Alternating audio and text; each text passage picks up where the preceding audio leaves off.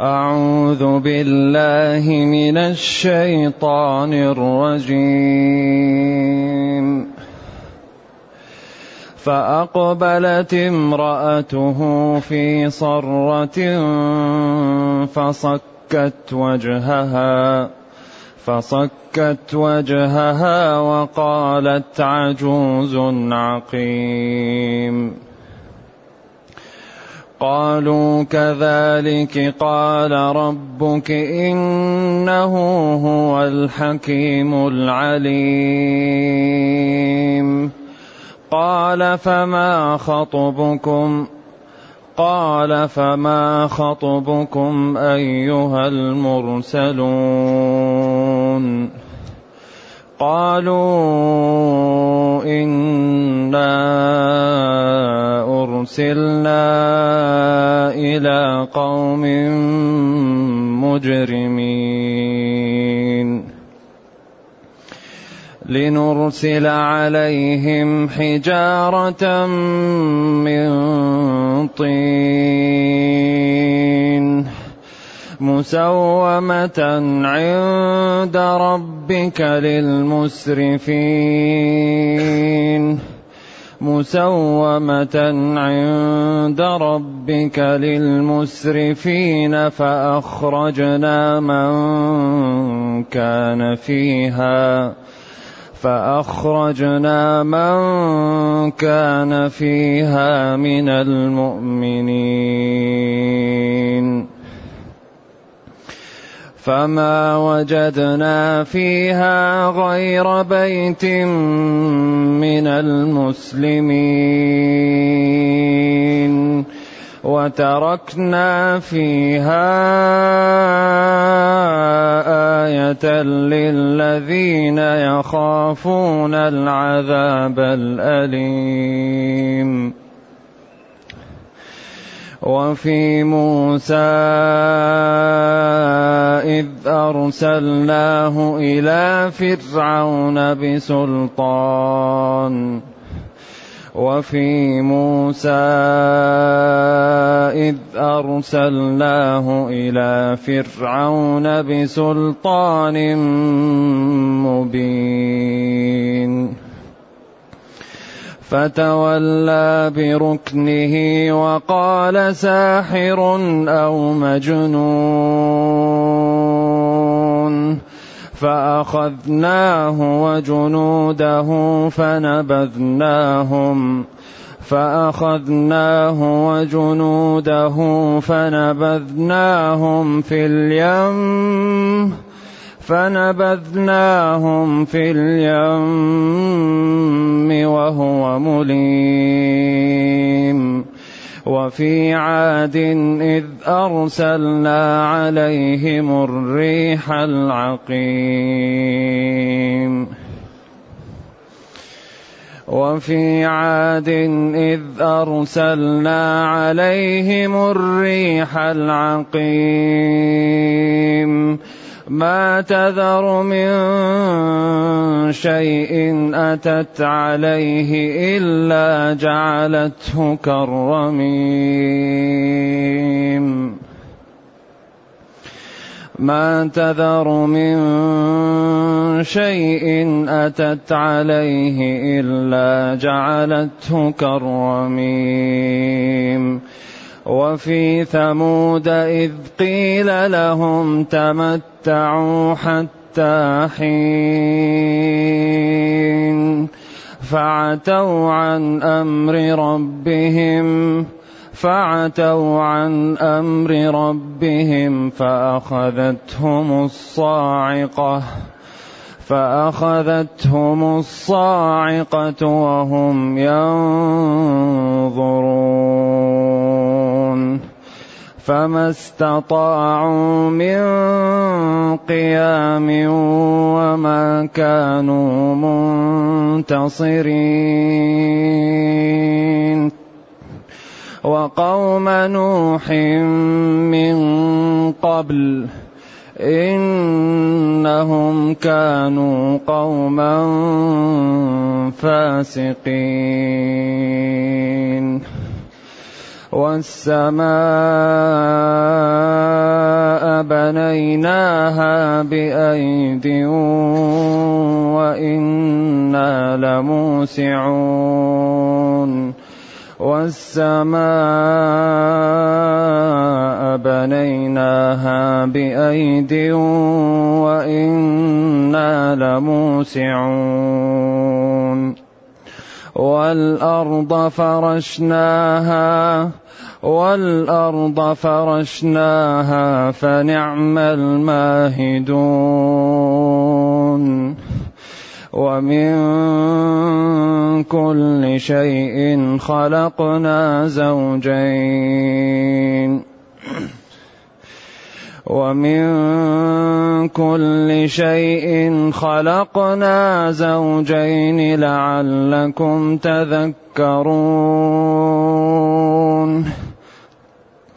لعلكم تذكرون ففروا إلى الله. ففروا إلى الله. إني لكم منه نذير مبين. ولا تجعلوا مع الله إلها آخر ولا تجعلوا مع الله إلها آخر إني لكم منه نذير مبين الحمد لله الذي أنزل إلينا أشمل كتاب وأرسل إلينا أفضل الرسل وجعلنا خير أمة أخرجت للناس فله الحمد وله الشكر على هذه النعم العظيمة والآلاء الجسيمة والصلاة والسلام على خير خلق الله وعلى آله وأصحابه ومن اهتدى بهداه. أما بعد فإن الله تعالى لما ذكر عن إبراهيم أنه سارع في إكرام, إكرام ضيفه وأن الضيوف لما لم يأكلوا أوجس في نفسه وأن الرسل أخبروه بحالهم. وفي السياق أن زوجه كانت قريبة فسمعت الحوار وأخبروه بأنه يكون له ولد عليم. ف صكت وجهها وقالت عجوز عقيم. وقبلها صاحت. لأن الولد محبب. وبالأخص للأم. أعز شيء في الدنيا الولد على أمه. لأن أكثر ما يتعب الإنسان في الدنيا الأم على ولدها. تتعب أتعاب لا يعلمها إلا الله وهذه الأتعاب هي التي جعلتها جعل الله في قلبها محبة الولد لما لما تكابد من التعب ولأن تربيته فيها فجعل غريزة المحبة قوية جدا حتى يربى الطفل الصغير.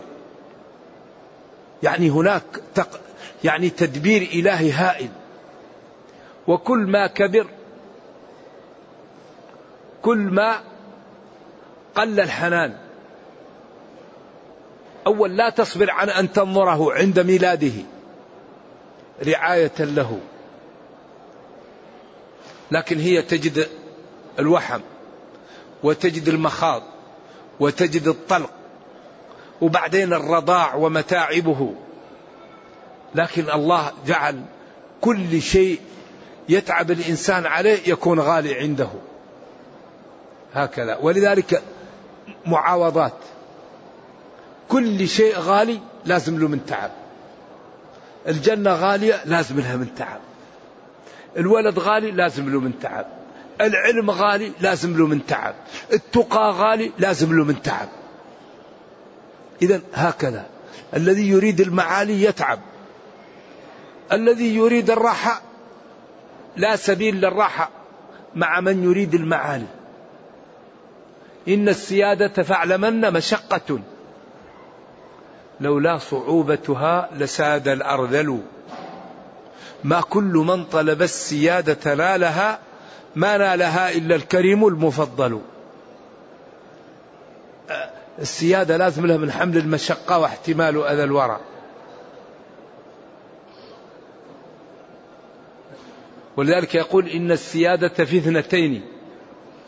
فلا تكن يا ابن المشايخ فيهما بالزاهد حمل المشقة واحتمال أذى الورى حمل المشقة. هذا مريض تعالجه. هذا فقير تسانده. هذا يتيم ترعاه. هذا جار تتغاضى عنه. حمل المشقة. واحتمال أذى الورى أذى الخلق. هذا يسب هذا يشتم هذا يكذب عليك. هذا تتحمل لأنك أنت نفسك كبيرة حمل المشقة واحتمال أذى الورى ليس المشمر للعلا كالقاعد. قل للذي طلب العلا بسواهما هيهات تضرب في حديد بارد. إذا هنا صاحت وضربت وجهها وقالت عجوز عقيم. قالوا كذلك الأمر كذلك. قال ربك إنه حكيم يضع الأمور في مواضعها عليم وأمر وأمره واقع. وما كان لك أن يقع لك هذا. أتعجبين من أمر الله؟ رحمة الله وبركاته عليكم أهل البيت إنه حميد مجيد. ولذلك قلنا إن الغلام هنا هو إسحاق هو إسحاق. وقال جلة من العلماء ومنهم الطبري أنه إسحاق. أن الذبيح أنه إسحاق. الغلام هنا إسحاق والذبيح إسماعيل. والدلالة على أن الذبيح إسماعيل لا إسحاق كثيرة ومن أقواها من أقوى هذه الأدلة دليلان. الدليل الأول قوله بعد أن قال فلما أسلما وتله للجمين وناديناه أن يا إبراهيم قد صدقت الرؤيا إنا كذلك نجزي المحسنين إن هذا لهو البلاء المبين. البلاء المبين. واحد عنده ولد واحد وكبير في السن يقال له أذبحه. بلاء مبين واضح لا لبس فيه. بعده على طول قال وبشرناه بغلام حليم. طيب كيف يكون ذبحه وبعده بقليل يقول بشرناه؟ الأمر الثاني أنه في هود قال وبشرناه بإسحاق ومن وراء إسحاق يعقوب. بشروه بأن يولد له ولد اسمه إسحاق وأن هذا الولد يولد له. كيف يؤمر بذبحه وأخبر أن الولد يكون له ولد؟ هذا أقوى دليل. فدل على أن الذبيح إسماعيل. لأنه قال وبشرناه بإسحاق ومن وراء إسحاق يعقوب يولد له. طيب كيف يولد؟ يبشر به ويؤمر بذبحه وهو قبل أن يولد له. فدل هذا على أن الذبيح إسماعيل والخلاف قديم ولطالب العلم أن يختار ما يحلو له ويرفق بالمخالف. أيوة. وخصوصا المسألة اللي اختلف فيها العلماء الواحد لا يتعصب يا يا يا يقول ما يرى ويترك غيره والجنة أبوابها ثمانية. يدخل هذا من باب وهذا من باب والشريعة متحملة للخلاف. قالوا الأمر كذلك قال ربك إنه هو الحكيم العليم يضع الأمور في مواضعها وهو الذي لا تخفى عليه خافية والنتيجة أنه يجازي كلا بما يستحق. ثم لما قال المفسرون لما ضرب العجل وهو حنيذ جبريل قام لأمه وتيقن أنهم ملائكة قال فما خطبكم أيها المرسلون؟ طيب ما شأنكم؟ وما قضيتكم؟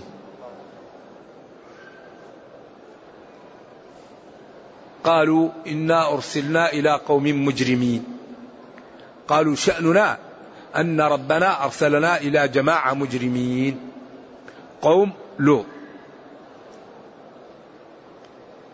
لنرسل عليهم حجارة من طين مطبوخ مسومة معلمة عند ربك للمسرفين. قيل إن هذه الحجارة التي أخذوها أنها مكتوب عليها كل واحد تقتله. وقيل معلمة بعلامات وقيل غير ذلك. هذه الحجارة يعني معلمة ومبينة وموضحة لهؤلاء المسرفين على أنفسهم بالكفر وبالعمل الشنيع. فهذه القرية التي لم تذكر وفهمت من السياق فأخرجنا من كان فيها من هذه القرية. من المؤمنين فما وجدنا فيها غير بيت من المسلمين. لأن الإيمان إذا جاء الحال يكون هو والإسلام بمعنى واحد تنوع في العبارة. فما وجدنا فيها غير بيت من المسلمين اللي هو لوط وابن و وابنتيه. أما زوجه فكانت كافرة منافقة. وكانت هي التي تخبر قومها بضيوفه وكان يستاء من ذلك ويتألم حتى قال عند مجيء الملائكة قولته المحزنة لو أن لي بكم قوة أو آوي إلى ركن شديد لأنه حاول معهم يا قوم هؤلاء بناتي بنات الحي هن أطهر لكم وأفضل. فاتقوا الله تعالوا أتزوجكم إياهن. فاتقوا الله ولا تخزوني في ضيفي. أليس منكم رجل رشيد؟ قالوا لقد علمت ما لنا في بناتك من حق وإنك لتعلم ما نريد عياذا بالله. فهنا وقع في نقطة الصفر. تألم ألما. لو أن لي بكم قوة أو آوي يرحم الله لوط. كان يأوي إلى ركن شديد. كان يأوي إلى الله. ولا أقوى من الله. ولذلك أرسل عليهم جبريل وطمأنه وقال له يا لوط إنا رسل ربك. يا لوط إنا رسل ربك. لن يصلوا إليك وأخذ جناحه ومسحه على وجوههم فلم يبق في الوجه مكانا للعين والأنف والفم. فبقى الوجه كالكف كالقفاء وأخذ جناحه ورفعه بهم وقلبها ورماهم بال عياذا بالله. قالوا رمى من كان متطرفا منهم. رمي بالحجارة المعلمة عليه. ومن كان داخل القرية رفع جبريل جناحه بالقرية حتى قال أهل السماء سمعوا صياح الديكة ونباح الكلاب في القرية وقلبها بهم. والمؤتفكة أهوى قلبها. فلم يبق منهم أحد. إذا هذه الأسلوب يتنوع دلالة على جمال القرآن وعلى حسن أسلوبه وعلى إعجازه وعلى صدقه وتثبيتا للنبي صلى الله عليه وسلم وطمأنة له وتخويفا للكفار وأنهم إن لم يرجعوا عما هم عليه فيحل بهم ما حل بالأمم, الكافرة قبلهم. ففي هذه القصص فوائد عظيمة. إنا أرسلنا إلى قوم مجرمين لنرسل عليهم حجارة من طين. أي الحجارة معروف أنه هذا الذي تراه يكون منه الجبال. وهي أنواع. لكن لما قال من طين فعلم أنها طبخت حتى أصبحت كالحجارة. أيوة فالسياق يدل على أنه طين مطبوخ حتى أصبح كالحجارة. مسومة معلمة. عند ربك للمسرفين على أنفسهم في الكفر والطغيان والعصيان والضلال. فأخرجنا من كان في القرية من المؤمنين فما وجدنا فيها غير بيت من المسلمين وهو بيت لوط لوط وابنتيه وتركنا فيها أي في القرية آية علامة للذين يخافون العذاب الأليم. ولذلك أخفض محل محل هذا المحل عياذا بالله. البحر الذي وقع قريب منه العذاب لا تعيش فيه الحيتان الآن. يقال له البحر إيش؟ الميت محل العذاب. آثار العذاب وكالح إلى الآن.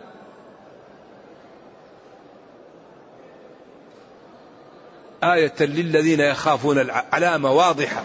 للذين يخافون العذاب الأليم العذاب الموجع ولذلك العقل يعتبر. فاعتبروا يا أولي الأبصار. أما الذي لا يعتبر هذا مشكل. علامة للذين يخافون.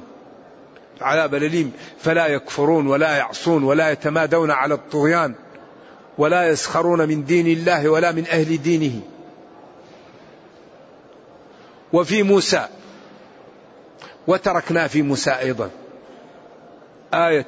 وفي موسى تركنا في موسى آية.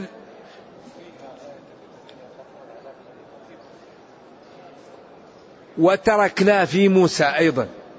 يعني معطوف على ما تقدم. أيوة. وفي موسى على القول القوي. إذ أرسلناه إلى فرعون بسلطان بحجة واضحة مبين لا لبس فيها وهي العصا واليد. وغير ذلك من من الآيات الواضحة البينة. فتولى فرعون بركنه. يعني الركن قوته وثقله وجميع ما عنده. فتولى بركنه هذا الأسلوب يدل على أنه تولى توليا كاملا وتبرم تبرما لا رجوع بعده. يعني لأن الركن هو الجانب القوي وهو تعبير عن تولي صاحبه لا يريد الرجوع ابدا بقوته وبثقله. يعني تبرم وامتنع عن الإيمان بقوته وبثقله فلم يقبل. وقال ساحر قال موسى ساحر أو مجنون هذه أو اختلفوا فيها. هل هي أو على بابها أو أو بمعنى الواو؟ وحروف العطف تنوب عن بعض أحيانا. فتولى فقال ساحر ومجنون. لأن أو قد تأتي بمعنى الواو وقد تأتي الواو بمعنى أو كما قال انكحوا ما طاب لكم من النكاح من النساء مثنى وثلاثة وربع. قالوا الواو هنا بمعنى أو مثنى أو ثلاثة أو ربع. يعني التخيير لأو لأن أو تأتي للتخيير. فقال ساحر أو مجنون أي أيوة ومجنون على هذا القول. أو قال ساحر ومجنون مع ذلك. فأخذناه وجنوده. أخذناهم أخذ عزيز مقتدر كما هو مبين في الأعراف وفي الشعراء وفي غيرها. وفتحنا البحر وجعلنا الماء يقوم كالجبل. من هذه قدرته يخاف. من هذه قدرته تمتثل أوامره. من هذه قدرته لا تنتهك نواهيه. جعل الماء كالجبل. كيف الماء يثبت؟ من غير ما يكون ثلجا. ضرب العصا. فكان كل فرق كالطود كالجبل العظيم. جعل في الجبل 12 طريق وبعدين يبس. فلما تشوشوا من بعض جعل لهم نوافذ في الطود جعل لهم نافذة ينظروا إلى بعض.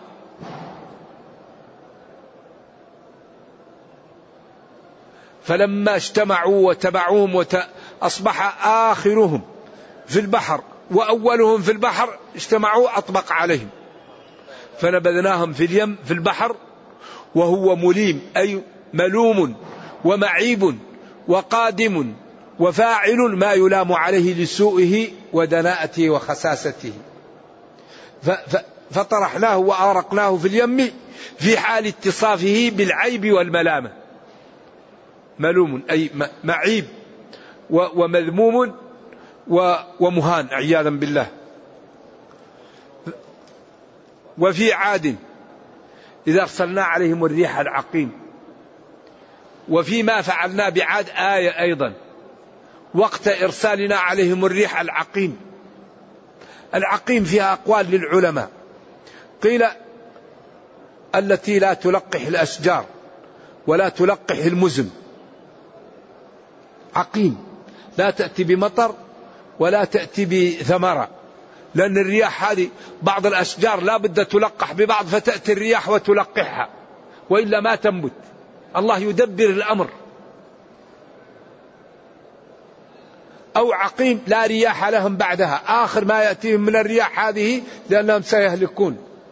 آخر وقت لهم. والمقصود بالعقيم التي لا فائدة فيها. ومنه المرأة العقيم التي لا تلد. لا لا لا يأتي منها فائدة. لأن أعظم شيء للزواج هو الولد. ما تذر من شيء أتت عليه هذه الرياح إلا جعلته كالرماد. الرميم رماد. وفي ثمود إذ قيل لهم قال لهم نبيهم تمتعوا ثلاثة أيام. على القول. أو قال لهم تمتعوا بالمتع إذا دخلتم في الإسلام ولكم الجنة.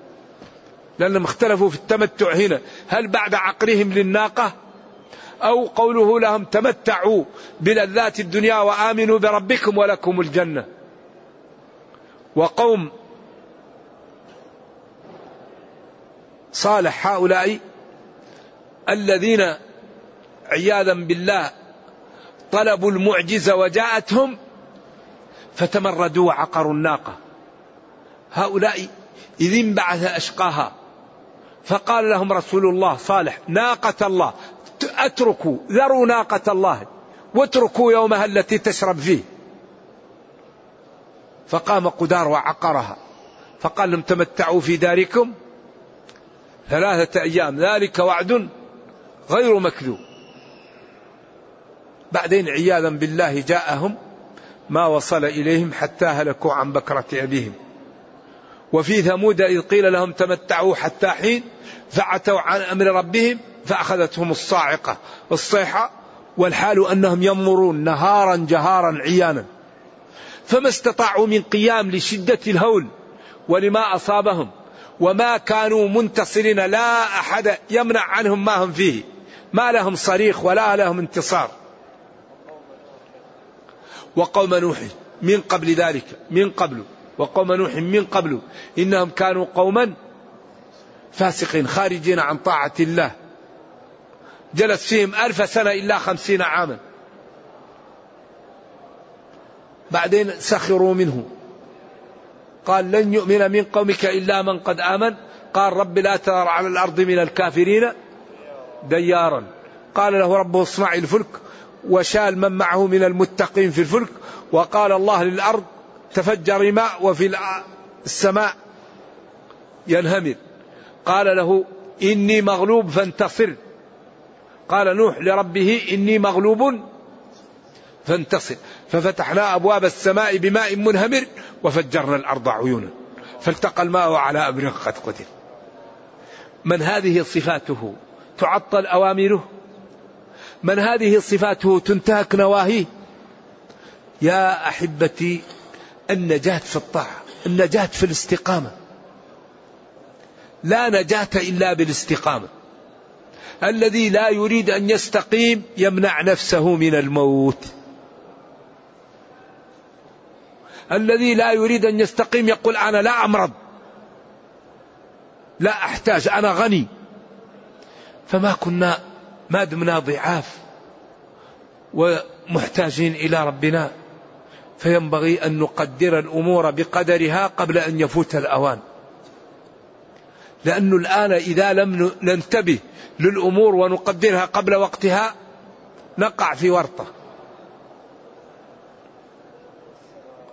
ثم بين قدرته وأن ما أخبر به من إهلاك هؤلاء وإكرام هؤلاء أنه قادر عليه وواقع لا محالة والدليل التمثيل. والسماء بنيناها بأيد أي بقوة. اليد هنا القوة. وليس هذا تأويل. لأن من أيد فعل. أما أيدي هناك أفعل. تختلف عن هذا.